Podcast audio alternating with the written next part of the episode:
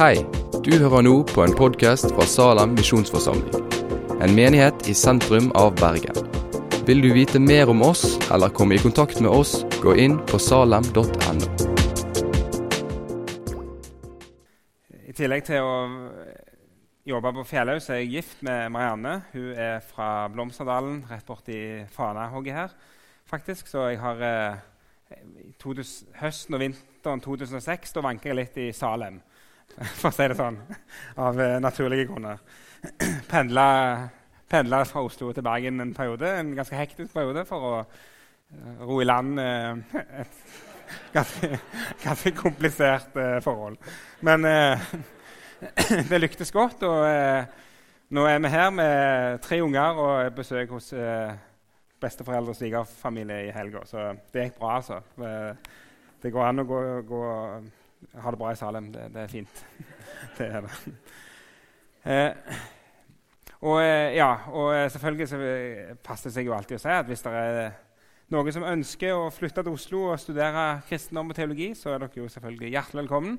Og eh, både gresk og hebraisk skal vi nok få banka inn i hovene på de som ønsker det. Men det er ikke derfor vi samla i kveld, verken for å høre om eh, mine frierier fra 2006 og heller ikke om gresk og hebraisk, eh, selv om det er vanskelig for meg å unngå at det ordet nevnes. Men vi er altså samla om eh, Bibelen, om, eh, om eh, Guds ord. Vi er samla om eh, egentlig det mest sentrale i hele vår tro, nemlig påskebudskapet. Og selv om påskeferien og påskefeiringen på mange måter ligger bak oss eh, med ei nå, så er vi fremdeles i det som heter påsketida. Eh, for eh, som alle vet, så varer jo påsken helt til pinse. Eh, og vi sier det at i de, de 40 dagene som går fra askeonsdag og fastens start og fram til påske, så er liksom tanken at vi bruker fastetida til å forberede oss til påske. Og så kan vi gjerne si at Disse 50 dagene fra påske til pinse som vi befinner oss i nå, det er dager der vi skal få kunne eh, minnes og glede oss over at det er fullbrakt, og det som Jesus har gjort for oss. Og Måten vi skal glede og, og, og minnes Jesu fullbrakte verk på i kveld, er at vi skal eh, bevege oss mange tusen år tilbake i tid eh, til en liten vandring inn i fortellingen om den aller første påsken. Eh, og, og eh, Dette er jo begivenheter som skjedde for kanskje så mye som 3400 år siden. På et tidspunkt hvor denne var bronsealder rundt omkring i denne verden. Så det er lenge siden. Og så er likevel håpet mitt og bønnen min eh, at det skal kunne finnes en forbindelse, en bru mellom disse her 3400 åra, og at vi kan oppleve at vi har noe til felles med de menneskene som feirte påske den aller første gangen i Egypt, eh, Israelsfolket for 3400 år siden. Eh, og så er håpet og bønna mi at eh, vi som er samla i kveld, at vi skal kunne reagere på Herrens gjerning og påskens budskap på samme måten som det Israel gjorde den gangen. Eh, nemlig at, eh, som det står i 2. Mosebok 12, at folket bøyde seg til jorda og tilba. Folket bøyde seg til jorda og tilba den Gud og den Herre som hadde frelst dem. Og Det håper jeg at vi skal få kunne føres inn i ved å høre enda en gang påskens budskap. For den Gud som vi tilber, han er den samme. Hos han er det ingen forandring, det er ingen skiftende skygge. Hans nåde er like ny, og hans trufasthet er like stor nå i kveld, 22. april 2017, som det han var i Egypt tidlig i april for ca. 3400 år siden. Og Så skal vi nå lese sammen fra Gamle testamentet, fra Andre Mosebok. Eh, og så Når vi nå skal gå inn i disse tekstene, så skal vi gjøre det med en helt bestemt tanke i vårt sinn. Nemlig at dette her er begivenheter som fungerer som brikker i et mye større bilde. Eh, for at ut fra disse sidene i Bibelen, i Det gamle testamentet, litt gjemt vekk, så trer det fram et bilde av en hovedperson. En hovedperson som ble bestemt til å være den hovedpersonen før verdens grunnvoll ble lagt eh, og som nå ved tidenes ende er blitt åpenbart, som Peter sier i sitt brev, eh, for oss til vår frelse. Og, og Påskelammet som ble slakta den aller første påsken, er på mange måter egentlig bare en skygge av han som er vårt sanne påskelam, nemlig Jesus. Eh, og, og min bønn og mitt håp er at vi kan få et glimt av Han, eh, og et glimt som fører oss inn i tilbedelsen av Han. Og at vi kan synge lovsangen til lammet, eh, sånn som det gjengis i Johannes' åpenbaring hvor hvor eh, det, står den store, hvite flokken som lovpriser lammet i all evighet og sier at verdig er lammet som ble slakta, verdig til å få all makt og rikdom og visdom og styrke og ære og pris og takk. Det er ganske heftig lovsang. Lammet er verdig til å få all makt, rikdom, visdom, styrke, ære, pris og takk. Og den lovsangen er det vi inviteres inn i gjennom dette budskapet. Og, og, så skal vi altså inn i 2. Mosebok 12, og, og, da befinner vi oss på et avgjørende tidspunkt i uh, påskefortellingen. Fortellingen om, den, om uh, Israels utfrielse fra Egypt. Uh, og Denne fortellingen den begynner tidligere i, i, i 2. Mosebok. Den begynner jo egentlig med at israelsfolket flytter til Egypt, blir gjort til slaver. Og Slaveriet blir vanskelig og krevende, og israelsfolket roper ut sin nød og så hører Herren deres nød, og Herren bestemmer at han vil gripe inn. Han, han, vil vedkjenne seg dette folket, og han vil holde sine løfter til dette folket. Så velger han ut denne Moses, en 80 år gammel sauegjeter som har fortid som kronprins eller som prins i Egypt, eh, men er nå på flukt pga. et mord. Eh, ja, ikke den beste kandidaten, kanskje, men, men eh, sånn velger nå Gud en gang. Og Så leser vi om hvordan Moses i lag med sin bror Aron. Moses har forresten ikke så god evne til å snakke for seg. bare for å toppe dette her. Eh, og Så stiller de seg allikevel fram for farao, kongen i Egypt, og liksom sier La mitt folk få, få reise. Og Så sitter farao på sin trone med sitt sjølbilde. Han ser på seg sjøl som, eh, som solgudens representant på jord. Stolt, stivnakka og trosser, selvfølgelig, kan vi gjerne si denne bønna fra Moses om å la israelsfolket reise. Og så sier han, 'Hvem er Herren?' spør farao. Hvem er Herren? Skulle jeg, farao, solens sønn, gudenes representant på jord, skulle jeg lye Herren og la dette folket her reise? Jeg kjenner ikke denne her Herren, og jeg vil ikke la Israel reise. Vi, vi hører stoltheten gjerne i farao sine ord. Hvem er Herren? Skulle jeg lyde han og la folket dra? Jeg kjenner ikke Herren. Jeg vil ikke la Israel dra. Det er liksom faraos håndmodige svar på, på uh, dette her. Si kapittel 5, når farao kommer med disse her frimodige ordene 'Jeg kjenner ikke Herren', så har farao virkelig fått erfare hvem Herren er. Og I rommet mellom kapittel 5 og kapittel 12 i 2. Mosebok der får vi beskrevet hvordan farao så til de grader blir kjent med Israels Gud. Og det har skjedd på voldsomt vis. Alle Egypts guder har blitt avkledd, og de har blitt latterliggjort. Mennesker og husdyr i Egypt har fått oppleve lidelse og nød.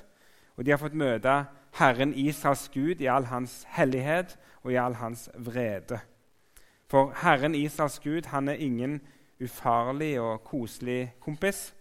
Han er en hellig gud, og han holder dom over mennesker som, som er opprørske og håndmodige, og som trosser ham. Og Det gjelder Egypt den gangen, og det gjelder også den farao som bor i vårt eget hjerte.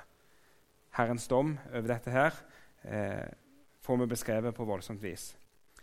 Og Etter at vannet har blitt gjort til blod, etter at mennesker og dyr har blitt plaga av eh, frosker, av lus, av insektsvermer, av pest, av verkebyller med blemmer, av hagl, av gresshopper, av gjennomtrengende mørke, så skal Gud nå sende den siste og den avgjørende plagen over Egypt.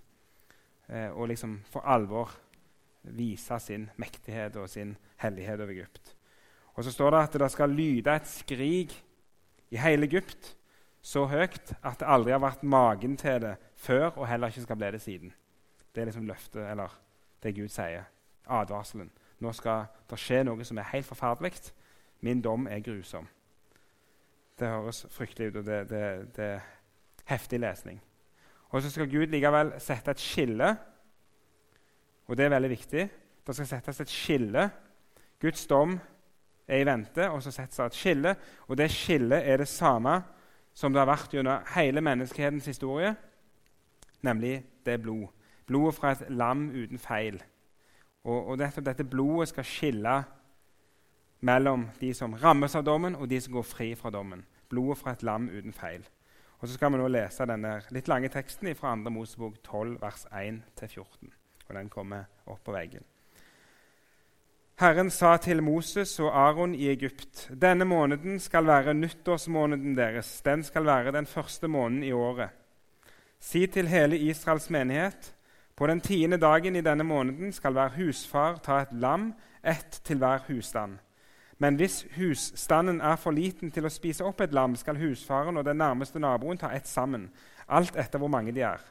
Dere skal ikke regne flere på hvert lam enn at alle blir mette. Lammet må være et årsgammelt værlam uten feil. Dere kan enten ta et lam eller et skje. Dere skal ta vare på det til den 14. dagen i denne måneden, og i skum skumringen skal hele forsamlingen av Israels menighet slakte det. Så skal de ta noe av blodet og stryke det på de to dørstolpene og på bjelken over døren i de husene hvor de spiser det. Kjøttet skal de spise samme natt.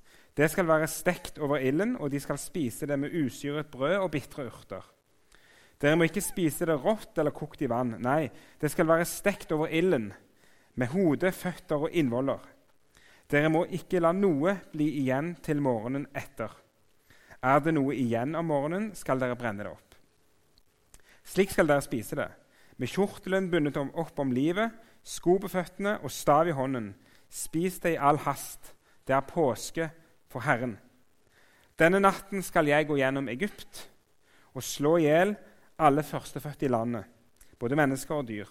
Og jeg skal holde dom over alle gudene i Egypt. Jeg er Herren. Men blodet skal være det merket som viser hvilke hus dere er i. Når jeg ser blodet, vil jeg gå forbi. Ingen ødeleggende plage skal ramme dere når jeg slår Egypt. Siden skal denne dagen være en minnedag for dere. Dere skal feire den som en høytid for Herren. Dere skal feire i slekt etter slekt. Det skal være en evig ordning. Og så kan vi også ta med en setning fra 2. Korinterbrev 5, som er overskriften for i kveld. Vårt påskelam er slaktet Kristus.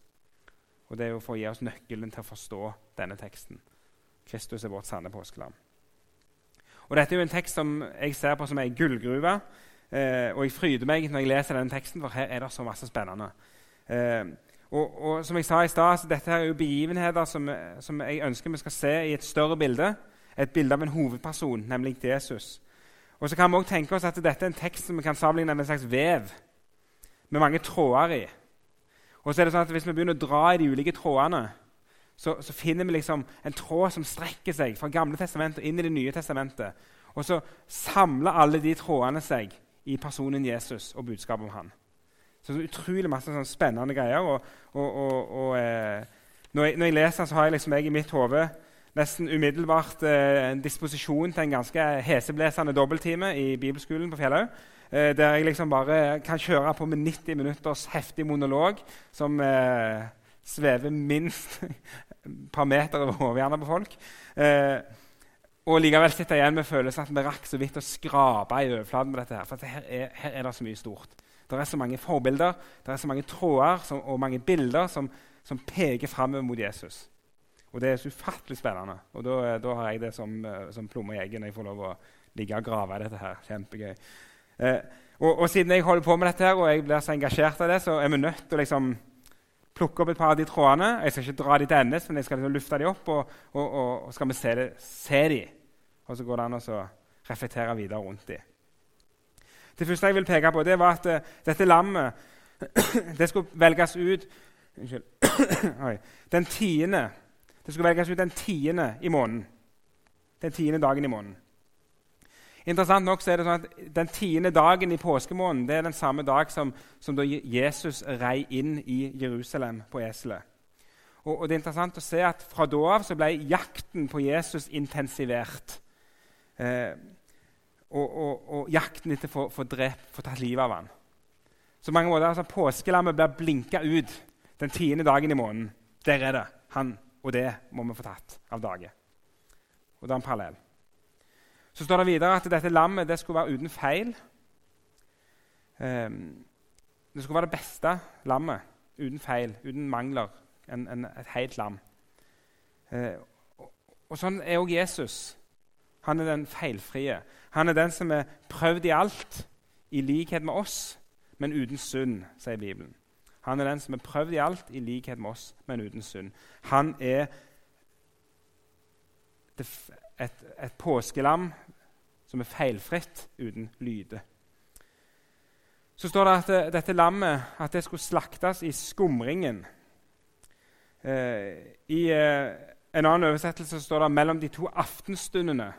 Og Det er omtrent det som står på den hebraiske grunnteksten. Eh, og mellom de to aftenstundene det er mellom klokka tolv og klokka seks. Og det er jo da klokka tre. Og Det passer egentlig perfekt, for det var klokka tre Jesus døde. Da, da roper han 'Far, i dine hender over min ånd', og så ånder han ut. Så igjen ser vi en parallell. På samme tidspunkt, selv om det ikke var samme dag, så på samme tidspunkt på klokka så skjer slaktingen av lammet og, og Jesu død. Så det var det tredje, som parallellen. Tredje tråden som strekker seg. En fjerde tråd er at det står at eh, ingen bein skulle brekkes, brytes, på dette påskelammet. Eh, og Det er noe som Johannes gir et stort poeng ut av når han forteller om, om eh, Jesu død. Han forteller at Jesus, på det tidspunktet Jesus var død, så gikk de romerske bødlene ut for å knekke beina på de som var korsfesta den kvelden, fordi at de ikke skulle henge over sabbaten. Men når de kommer fram til Jesus, så var han allerede død, og de knekte ikke beina på han. Og så sier Johannes fordi det står jo ikke et ben skulle brytes. Og så ser vi også at der oppfyller Jesus eh, det som står om påskelammet. Så står det òg at eh, dette lammet skulle steiges over ild. Og restene av lammet skulle brennes opp hvis de ikke klarte å spise alt. Eh, og, og, For en som til og med har eh, drevet på å granske Tredje Mosebok, alle reglene for hvordan de skulle ofre i det gamle Israel, så er det noen ekko umiddelbart som, som dukker opp i hodet. Nemlig at eh, det, det, det, denne beskrivelsen av hvordan de skulle gjøre med lammet, det minner ufattelig sterkt om, om det ene offeret, brennofferet, som i det gamle Israel var det viktigste offeret for synd. Det skulle brennes, steikes, helsteikes og brennes opp. Eh, og, og Brennofferet gikk ut på at et dyr skulle dø i stedet for den som hadde synda. Det var en erstatning. En som døde i stedet for. Og Så ble òg brennofferet oppfylt i og med Jesu offer, og det ble avskaffa. Men dette er noe som jeg ønsker å legge på, eller by fram til deg som sitter her i kveld. at det, det, det gjelder, altså Dette kan vi ta til oss. Alt som, som du bærer på i ditt liv, av synd, av skyld, av skam, av byrder Du skal få tro at det ble lagt på Jesus, han som er vårt offerlam. Straffa ble lagt på han for at du skal ha fred. I Det gamle testamentet det, og, i forbindelse med brennoffer ble det gjort på en enormt konkret måte. nemlig at eh, Den som hadde synda, han tok med seg et lam fram bort til, denne, til, til, til tabernakelet, teltet, helligdommen. Gikk inn i porten, og så la han hånda si oppå lammet. Og så ligger liksom der antageligvis da en bekjennelse. Og så kan vi se for oss nærmest at det, eh, han får lov å ta ryggsekken sin og så legge oppå dette lammet, eller offerdyret, som, som, blir da drept i stedet for han. Eh, og så, så, er det det som rammes liksom av, av syndens straff. Eh, så skal du få lov å tenke det samme. at, at eh, Sånn er det òg i vårt forhold med Jesus. At eh, vi skal få tro at all vår synd er lagt på han. Han døde i stedet for oss. For at, og så ser vi liksom at påskelammet og budskapet om påskelammet har minner oss òg om, om, om brennofferet og, og, dets betydning.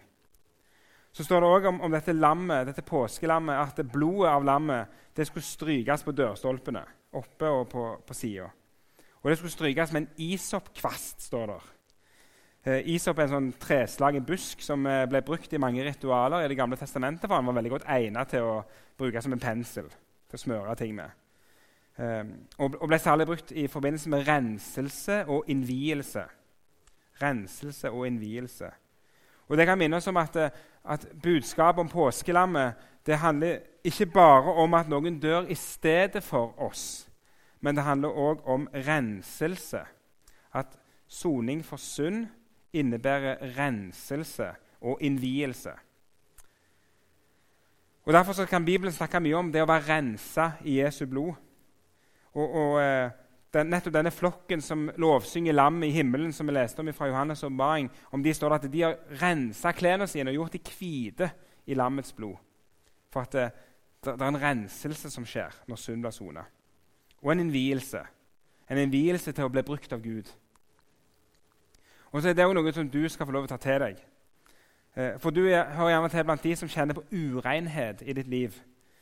Uh, uverdighet ord du har sagt, tanker du har tenkt, ting du har gjort. Og så er dette akkurat som det klistrer seg fast på deg som urenhet. Og, og, og skaper sånn skamfulle følelser av, skittenhet og uverdighet. Jeg fortjener ikke å be engang. Jeg, altså, det, det er så ure, jeg er så urein, jeg fortjener ikke å be om tilgivelse engang. Sånn type følelser kan vi kjenne på pga. ting vi har gjort, sagt, tenkt. Eh, og så skal du få vite at eh, blodet til vårt sanne påskelam Jesus det er et blod som, som renser oss fra all urenhet. Kom til Jesus og bli ren. Kom til Jesus og bli innvia til bruk. Ved hans blod så skal du få bli rensa og du skal få bli innvia til å bli brukt igjen. La han få lov å, å, å kle på deg sine hvite klær i stedet for eh, den skitne og hålete religiøse klesplagget du har på deg. La, la, han få lov å komme til deg og, og gi deg sitt i stedet for. Alt dette her er sånne tråder som, som vi finner her, som, som, Jesus oppfyller, og som, som uh, dette lammet peker fram imot. Så er det noen indirekte paralleller i tillegg til disse direkte parallellene. nemlig at Det, det sto innledningsvis at, det, at det, eh, påsken og slaktingen av påskelammet skulle være nyttår for Israel. Det skulle det var nyttårsfeiring for dem. Tidsregningen ble bestemt av påsken. og jeg synes Det er spennende, for det, Sånn er det òg med vårt påskelam. Vi snakker om etter Kristus. Påskelammet vårt, Kristus, definerer tida til og med, og målingen av tid, på samme måte som påsken og påskelammet i det gamle Israel definerte tidsregningen deres. Så står det at lammet skulle spises. Jesus han snakker om å spise hans kjøtt og drikke hans blod spise hans kropp. Um, og så gjenkjenner vi gjerne nattværen i dette her. Det å få spise av påskelammet, få ta til seg næringen som lammet gir, sånn at en er klar for vandringen videre. Og så står det også at lammet skulle spises i sin helhet, med hode, innvoller, føtter, alle ting. Og Det kan gjerne òg minne oss om at sånn er det òg med Jesus. Altså, det er ikke sånn at vi kan velge vekk noe ved Jesus og si det vil vi ikke forholde oss til. Det er alt eller ingenting. Vi må ha hele lammet. Vi må ha hele Jesus. Det kan òg være en påminnelse om. Og så er disse trådene som jeg løfter fram, altså, jeg prøver bare å vise dere dem, så jeg får se dem. Eh, og så ligger det egentlig kimen til en haug med bibeltimer her som vi ikke kan ha i kveld, men, men det er så masse spennende i disse tekstene her. Eh, og så jeg, håper jeg at dere kan sitte igjen med at, eh, at alt peker i samme retning. Det peker mot Jesus. Det peker mot han som døperen Johannes kunne si Se der er Guds lam. Han som bærer vekk verdens synd. Og så skal vi, når vi springer inn i truskampen, så skal vi få lov å ha blikket vårt festa på han. Han som er vårt påskelam, han som har, gjort alt dette for oss. Men så er det sånn at i tillegg til å være en sånn spennende teologisk tekst med masse paralleller til Jesus, mange spennende tråder og, og, og, og masse å fordype seg i, så ønsker jeg også å løfte fram en annen side av denne teksten eh, som kan gi trøst på en litt annen måte. Eh, og, og, Det vil jeg illustrere med å fortelle om at for en drøy måned siden så, så føyk jeg en tur til Førde for å ha noen møter i Førde. Og Når jeg skal fyke fra Oslo til Førde, da gjør jeg det med et propellfly fra Widerøe. Eh, nå vet jeg ikke hvor mye erfaring dere har med propellfly, men for meg så ble det en påminnelse. For når jeg sitter i et vanlig fly med jetmotorer, så tenker ikke jeg så veldig mye på liksom, om dette flyet kommer til å bære meg over fjellene. Når du sitter i et propellfly og ser den der lille propellen, ganske spinkel bygd, og så, er det sånn tendens som skal bære deg over de fjellene der, da, kjenner du at uh, livet kommer litt nærmere, for å si det sånn. Uh, plutselig så, Det ser så skjørt ut. Kan dette holde? Kan, kan, kan dette bære et fly over fjellene? Sånn kan en fort tenke. Det, det ser så, så stusslig ut. Um, og så kan en spørre seg altså, hvordan har det vært denne påsken for 3400 år siden å sitte bak ei dør i Egypt? Uh, hvordan trygge har israelittene følt seg der de satt? Nå har de gjennom flere måneder sett hvordan hardt Herren har håndtert Egypt. De har sett alle disse plagene som han har sendt over Egypt. Eh, hvordan totalt ødeleggende det har vært. De har sett hvor ufattelig eh, Herrens dom er. Eh, og de vet veldig godt at dette her er kjempefarlig. Nå har han sagt han kom i kveld, og han har sagt at den førstefødte skal dø. I alle hus i hele Egypt. Nå skal ødeleggeren gå gjennom landet, står der. Så kan jeg spørre hva om han kommer til oss? Hvordan trygge kan de ha følt seg? For de har jo kun fått én ting å stole på som kan redde dem. Og det er jo dette blodet. Og et løfte fra Gud knytta til det blodet. Det sto i vers 13 at blodet skal være merket som viser hva hus dere er i. Og så har Gud sagt at når jeg ser blodet, så vil jeg gå forbi. Og så kan vi huske at De som sitter inne i huset, de ser ikke blodet. For det blodet var så på utsiden. De, sitter, de, ser ingenting. De, de sitter bare bak ei lukka dør. Og så må de bare stole på at det kommer til å gå bra. Og hvor lett var det å gjøre? Og Vi kan jo se for oss en, en gjeng samla i et sånt hus. Antakelig var det ganske mange. Eh, for det sto at det, det var ett lam per husstand. Og jeg googla det og fant ut at et vanlig norsk lam har en slaktevekt på 20 kg. Da er alt av innvoller og sånt tatt vekk. Da er det 20 kg mat. Og, Hvis du da har en raus porsjon med 500 gram kjøtt per person, så er det ganske, det er mat til 40 personer. det, Et vanlig norsk lam. Så var nok disse lammene litt mindre, men samtidig så hadde de da eh, alt innvoller alt det sammen som de spiste. Eh, så antagelig kan det ha vært så mye som 30-40 personer samla i sånn et hus. Eh, og så har de sittet der sant, bak denne døra. Og så begynner de gjerne utpå kvelden å høre lyden. Høre skrika. Det skjer noe nå. Nå er de i gang. Og jeg kan begynne å lure på, Hva har de følt, de som har sittet der? Så ser jeg for meg som at i et, et hjørne så sitter kanskje en far. Og matlysten er på bånn. Han har levd med Gud hele livet sitt, og han, han, han har, han har tro på Gud, men men denne kvelden så liksom gnager tankene hans. Eh, smørte jeg nok blod? Han var litt sånn stridig i den isoppen. Jeg vet ikke om jeg klarte å få liksom nok blod på, på døra. Eh, bør jeg gå ut og sjekke, eller bør jeg smøre mer? Har jeg misforstått noe? Kan det være at Gud mente egentlig noe helt annet? Tenk om eldstegutten min dør i kveld. Sitter han der og har det vanskelig og tviler. Mens i andre enden av rommet der sitter det en nybakt mor. Kikker ned på sin førstefødte sønn som ligger og, og drikker morsmelk. Smiler og, og stemmer i lovsangen som en dude med gitar litt lenger inne i rommet har eh, dratt, i gang. Eh, og liksom kjenner på tryggheten, for Herren har sagt at det er nok. Han har sagt at når jeg ser blodet, så går jeg forbi. Eh, og Derfor er gutten min trygg, tenker hun. Og snart så skal vi få lov å forlate Egypt og slaveri og, og, vende hjem til det landet Gud har, har, eh, har lovt oss. Så sitter de i samme hus, de to. Og så kan jeg jo spørre hvem av de to kommer til å oppleve å miste sin eldste sønn i kveld?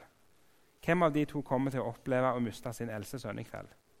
Han som sitter der og er redd og tviler, hun som sitter og lovsynger i andre hjørnet. Hvem av de kommer til å miste sin sønn i kveld?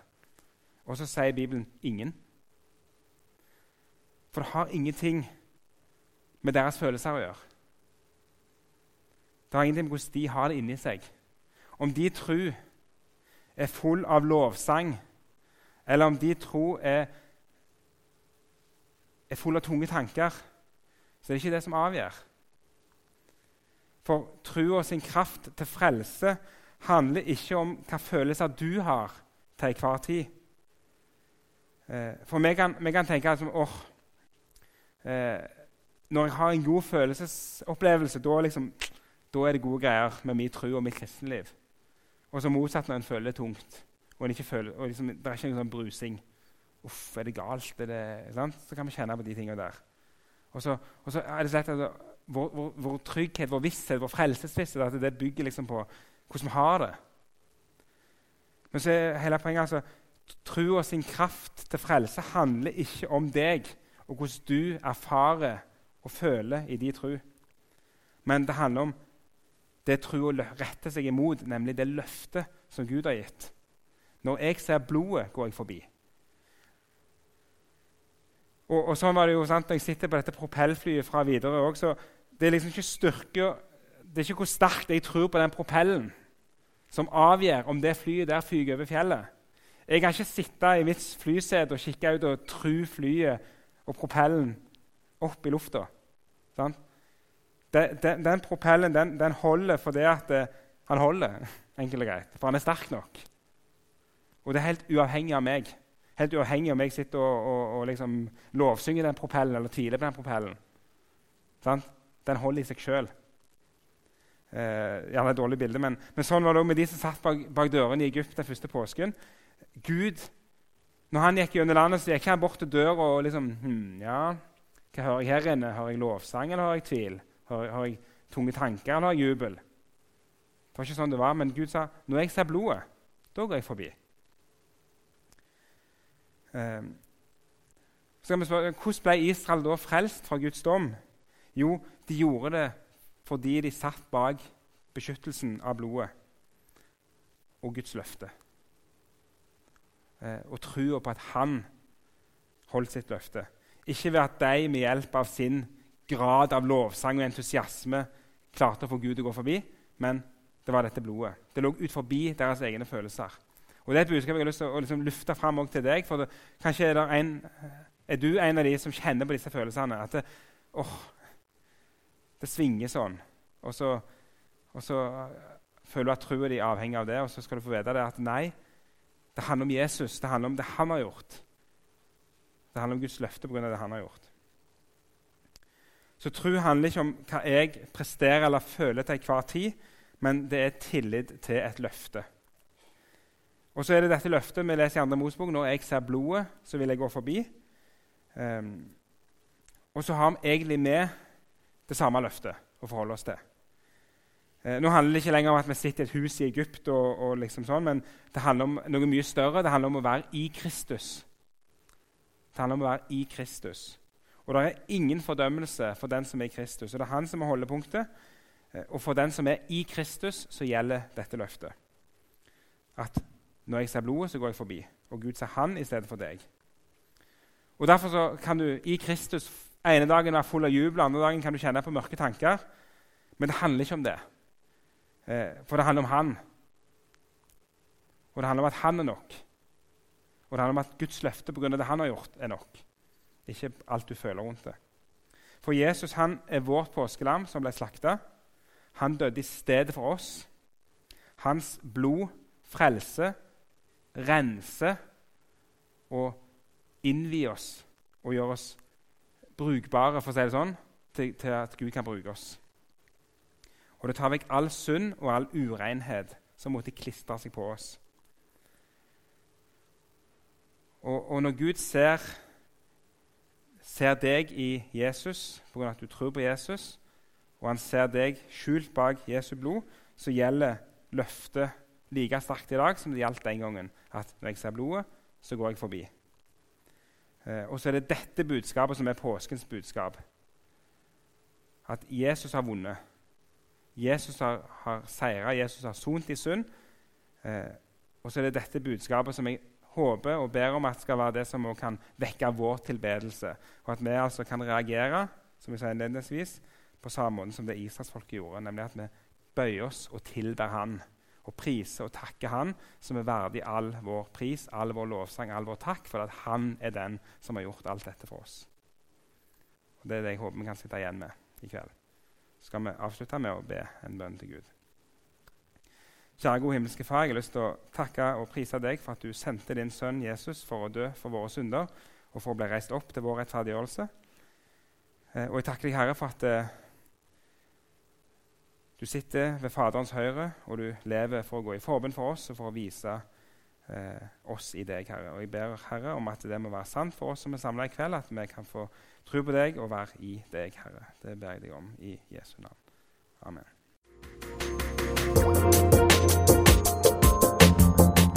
Takk for at du har hørt på podkasten fra Salem, Bergen. I Salem vil vi vokse i et stadig dypere fellesskap med Gud og med hverandre.